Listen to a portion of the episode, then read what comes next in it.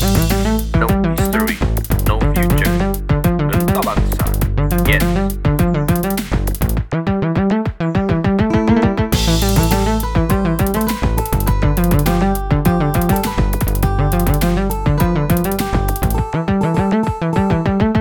Assalamualaikum warahmatullahi wabarakatuh. Waalaikumsalam warahmatullahi wabarakatuh. Salam genta bangsa, no history, no future. Hai guys, hari ini kita akan membahas kembali sejarah TNI. Ngomong-ngomong tentang sejarah TNI, kita kira-kira akan membahas apa ya mas? Eh, bagaimana kalau kita membahas tentang pertempuran 4 hari di kota Solo yang dikenal juga dengan serangan umum di kota Solo? Boleh, saya kira serangan umum hanya terjadi di Yogyakarta, ternyata serangan umum juga terjadi di kota Solo. Baiklah mas, bisa dimulai ceritanya sekarang. Oh baiklah. Ya, selain terhadap kota Yogyakarta, TNI juga melancarkan serangan umum terhadap kota Solo. Serangan itu dilancarkan menjelang diberlakukannya perintah penghentian tembak-menembak antara Republik Indonesia dan Belanda. Kalau nggak salah, pada tanggal 3 Agustus 1949 telah tercapai persetujuan antar pemerintah RI dan pihak Belanda mengenai penghentian permusuhan. Itu benar sekali. Pelaksanaan ceasefire atau gencatan senjata sudah harus berlaku baru pada tanggal 11 Agustus. Jadi sebenarnya uh, berlakunya pada tanggal 11 Agustus tahun 1949. Lalu kalau itu sudah harus berlaku sejak tanggal 3 Agustus 1949, kenapa serangan umum terhadap kota Solo masih dilakukan juga, Mas? Begini, Panglima Besar Jenderal Sudirman dan Presiden Soekarno selaku Panglima tertinggi Angkatan Perang Republik Indonesia memang telah mengumumkan penghentian tembak-menembak. Namun, sebelum pengumuman itu dilaksanakan, Satuan Angkatan Perang Republik Indonesia telah mengerahkan segala kekuatannya untuk melancarkan serangan umum terhadap kota Solo. Kemudian tujuan utama serangan itu sendiri apa ya, Mas? Tujuan utamanya adalah sebenarnya adalah untuk mencapai kedudukan baik bagi Republik Indonesia sebelum gencatan senjata diberlakukan, Mas. Nah, kalau sasarannya sendiri untuk Kalau untuk sasarannya sendiri, jadi untuk sasaran penyerangannya tidak hanya terhadap kedudukan Belanda yang ada di dalam kota Solo saja, melainkan juga pos-pos Belanda yang ada di luar kota Solo. Hal ini dilakukan untuk mendukung kekuatan diplomasi guna mendapatkan posisi dan medan apabila cash-fire diperintahkan. Itu benar sekali. Sedikit informasi, sebelumnya serangan terhadap kota Solo telah dilakukan sebanyak dua kali, yaitu serangan pertama dilakukan pada tanggal 8 Februari tahun 1949 dan serangan kedua pada tanggal 2 Mei 1949. Berarti serangan umum ini merupakan serangan ke ketiga ya? Itu juga benar. Serangan ini adalah merupakan puncak dari rangkaian serangan-serangan sebelumnya. Oh ya, serangan ketiga ini dilakukan dalam dua gelombang. Dua gelombang ya mas. Mulainya dari tanggal berapa sampai tanggal berapa ya? Nah, serangan gelombang pertama itu terjadi pada tanggal 7 sampai 9 Agustus 1949, sedangkan untuk serangan gelombang kedua terjadi pada tanggal 10 Agustus tahun 1949. Kemudian pada waktu itu kekuatan tentara Belanda yang ada di kota Solo seberapa seberapa besar mas? Ya, memang Belanda banyak menyebar tentara di beberapa tempat. Mereka pasukan mereka tersebar di berbagai tempat, antara lain di Panggung Jebres, Komplek Margo Yudan, di Banjarsari, di markas CPM di Purbayan, di Komplek Beteng, Museum Sriwedari, di Pengadilan, dan pos-pos di Jembatan Juruk, Jembatan Gading, Ngapenan, dan Komplek Balapan. Mereka juga didukung polisi Belanda yang tersebar di asrama-asrama di Jagalan, Pasar Legi, Sosietet, Mangkunegara, Beskalan, Serangan, dan Pasanggrahan. Selain didukung polisi, kekuatan Belanda juga diperkuat oleh pasukan bentukannya yaitu Toterelle Batalion Surakarta. Bukan begitu, Mas? Ya, itu memang sebagian dari kekuatan Belanda. Sedangkan untuk kekuatan pasukan Indonesia tersendiri terdiri dari satuan mobil bergadi besar atau MBB, kemudian mobil bergadi kepresidenan atau MBK, lalu ada seksi Letnan Suraji dari TNI, peleton Rayon 5, kompi tentara Jenny Pelajar dan kompi tentara pelajar. Lalu bagaimana dengan persenjataan tentara kita, Mas? Untuk persenjataan pasukan pejuang kita Indonesia atau bisa dikatakan kurang lengkap, terutama hanya menggunakan senjata otomatis seperti brain gun dan senjata otomatis ringan lainnya. Wah, meskipun persenjataan kita kurang, tapi semangat pejuang kita tetap berkobar ya, Mas, untuk melaksanakan serangan ini. Itu tentu saja mas, karena semangat itu harus tetap berkobar. Apalagi negeri kita saat itu sudah merdeka dan menjadi kewajiban kita juga untuk mempertahankannya. Kemudian bagaimana serangan itu dilakukan?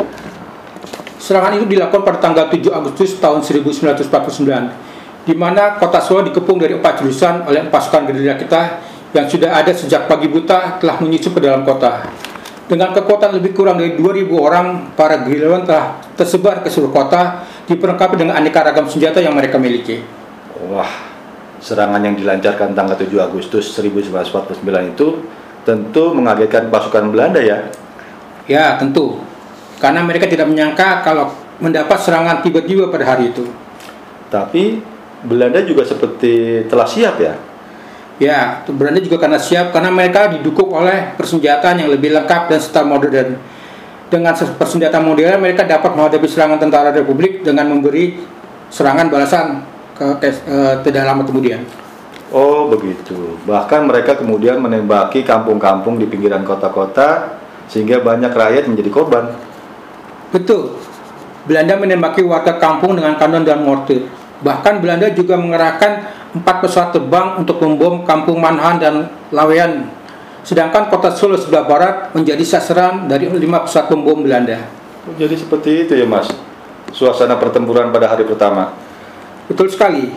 Oh ya, sebelum dilanjut ceritanya Mas, sebenarnya gerakan pasukan Indonesia telah dibagi-bagi dalam beberapa rayon. Rayon mana saja itu mas? Pembagiannya adalah sebagai berikut. Rayon pertama adalah wilayah Tenggara dipimpin oleh Kapten Sukendro. Kemudian rayon kedua di wilayah Timur Laut di bawah pimpinan Letu Sumarto. Rayon ketiga di wilayah Barat Laut yang di bawah Kapten Prakoso. Rayon keempat yang meliputi wilayah Berdaya di bawah Kapten Abdul Latif dan kemudian juga dibentuk rayon kelima yang dipimpin oleh Mayer Rahmadi. Nah, Mayer Rahmadi inilah adalah menjadi yang menjabat Komandan Subwerkrese 106 Arjuna yang punya peranan besar pada tahap pertempuran awal di kota Solo. Begitu ya mas. Lalu kembali ke cerita pertempuran tadi mas. Oh ya, kita kembali ke pertempurannya. Jadi sasaran Belanda berikutnya adalah kota Solo bagian utara yang dihujani oleh peluru dari dua pesawat Mustang. Selain itu juga Belanda juga mengerahkan uh, pasukan tank dan overwall overwall Valwogger yaitu kendaraan tempur Belanda yang lalu lalang jalan-jalan dengan menghamburkan peluru. Wah, kota Solo semakin memanas dong. Iya mas, tapi pasukan kita tiga juga tidak tinggal diam. Sore hari sampai tanggal 7 Agustus Agustus tahun 49 tidak kurang 15 tempat pos-pos penjagaan dan markas sedaru Belanda mendapat serangan secara bergelombang. Bahkan serangan-serangan gerilya masih dilanjutkan sampai malam hari. Dilakukan secara bergantian oleh kesatuan atau reguru yang belum mendapat gilirannya. Bagaimana dengan pertempuran keesokan harinya?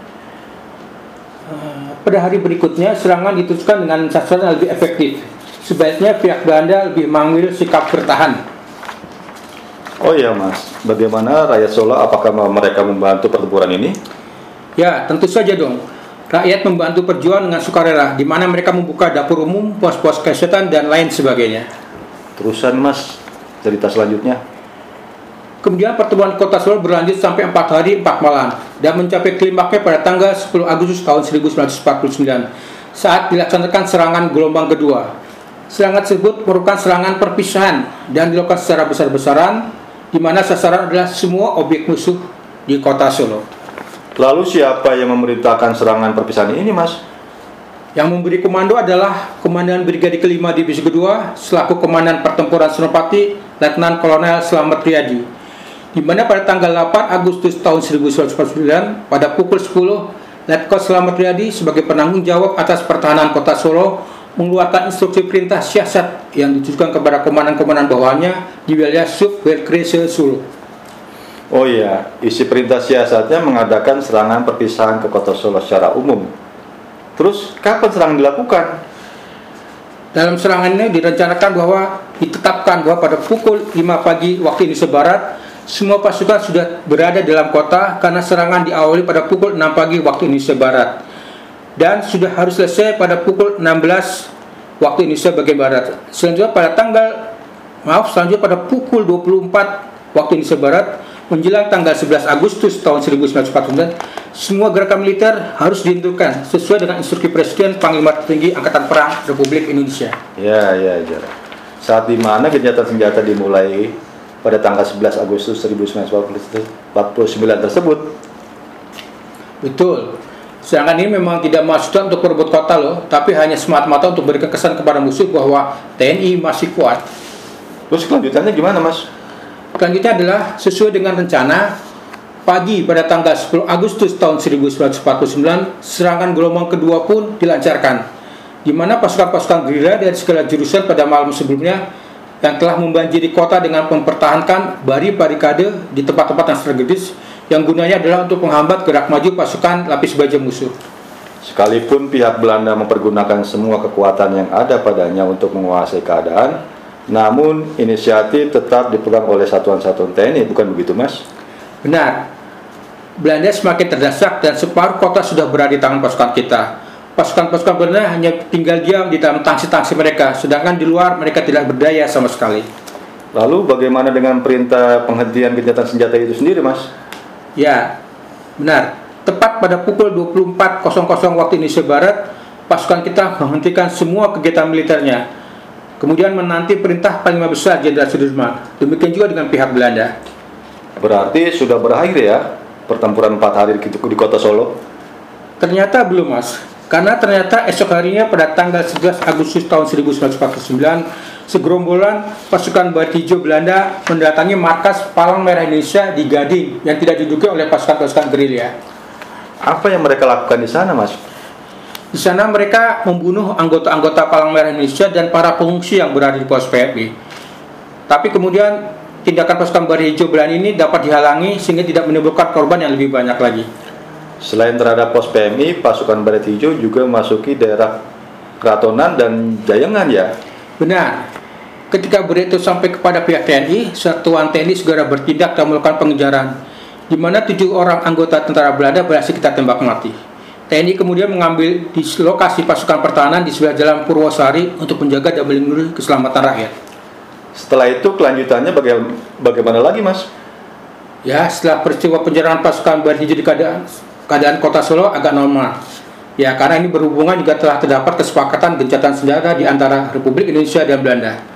Selanjutnya diadakan perundingan dengan pihak Belanda di bawah pengawasan United Nations Commission for Indonesia atau UNSI dalam rangka setelah terima kota Solo.